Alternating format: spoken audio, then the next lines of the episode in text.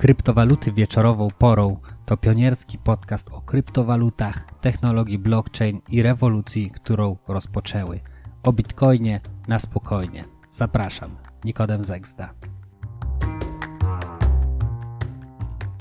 Pamiętajcie również, że wszystko co powiem w tym odcinku nie jest poradą inwestycyjną, ale jest to moje prywatne zdanie. Nie zapomnij też zasubskrybować podcastu, polajkować, dać łapkę w górę i udostępnić ten odcinek, jeżeli uznasz go za dobry, swoim najlepszym znajomym.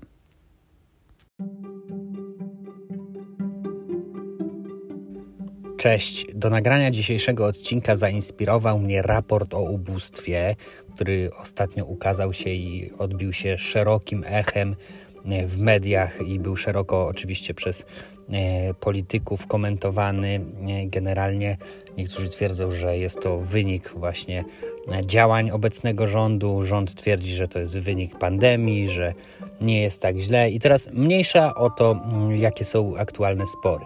Wiemy dobrze o tym, że dodruk pieniądza, który następuje, że nieodpowiedzialna polityka socjalna, czyli rozdawanie pieniędzy na lewo i prawo, wydawanie pieniędzy, które następuje no, w spółkach Skarbu Państwa czy w instytucjach publicznych w sposób, no bym powiedział, nieumiarkowany.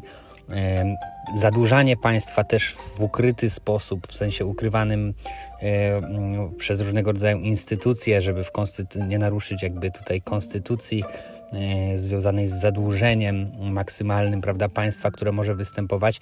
Wiemy, że to wszystko, że cała ta polityka monetarna, że tak ją nazwę, albo może brak polityki monetarnej, zwał jak zwał, to prowadzi do e, tego, że po prostu jakby spadek wartości nabywczej pieniądza postępuje, wzrasta inflacja, ceny idą do góry, co myślę każdy robiący zakupy też y, obserwuje, mm, prawda? No i tak naprawdę ludzie przez to stają się coraz biedniejsi.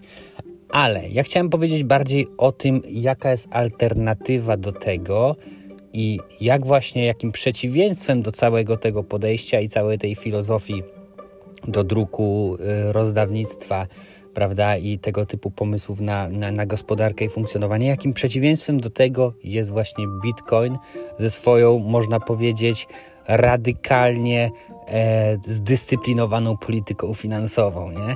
Chodzi mi o to, że w sposób protokół jest, że protokół jest w taki sposób skonstruowany, że tutaj nie ma możliwości E, do druku pieniądza. Jak sobie popatrzymy na siłę nabywczą bitcoina, ale też innych kryptowalut, których podaż jest ograniczona, prawda? Czyli nie da się ich dodrukowywać dowolnie. Jeżeli sobie popatrzymy właśnie, jak to wygląda w, w przypadku bitcoina, to jego siła nabywcza po prostu cały czas wzrasta, tak?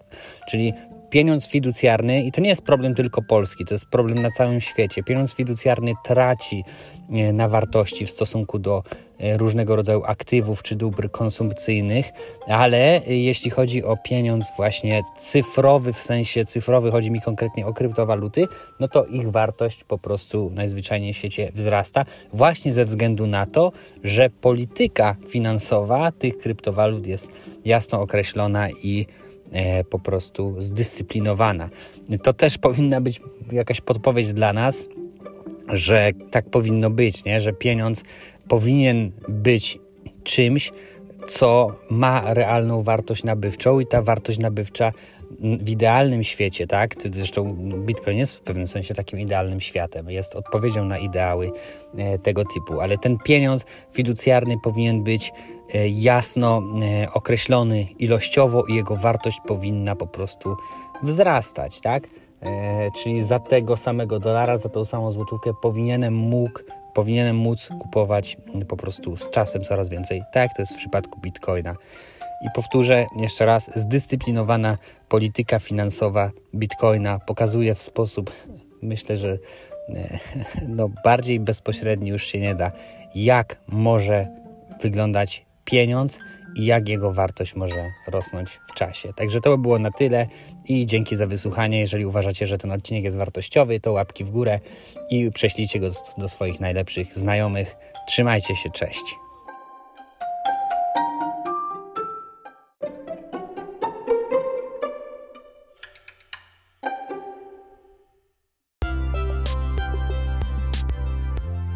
Dzień dobry, dzień dobry, witam bardzo serdecznie i zapraszam bardzo serdecznie do airdropu mojego coina.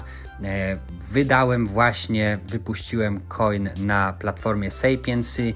Token nazywa się NZ i dla jego hodlerów przewiduje m.in. dostęp do ekskluzywnych materiałów, dodatkowe odcinki podcastu, członkostwo w zamkniętym klubie inwestora KWP. Także airdrop się rozpoczął.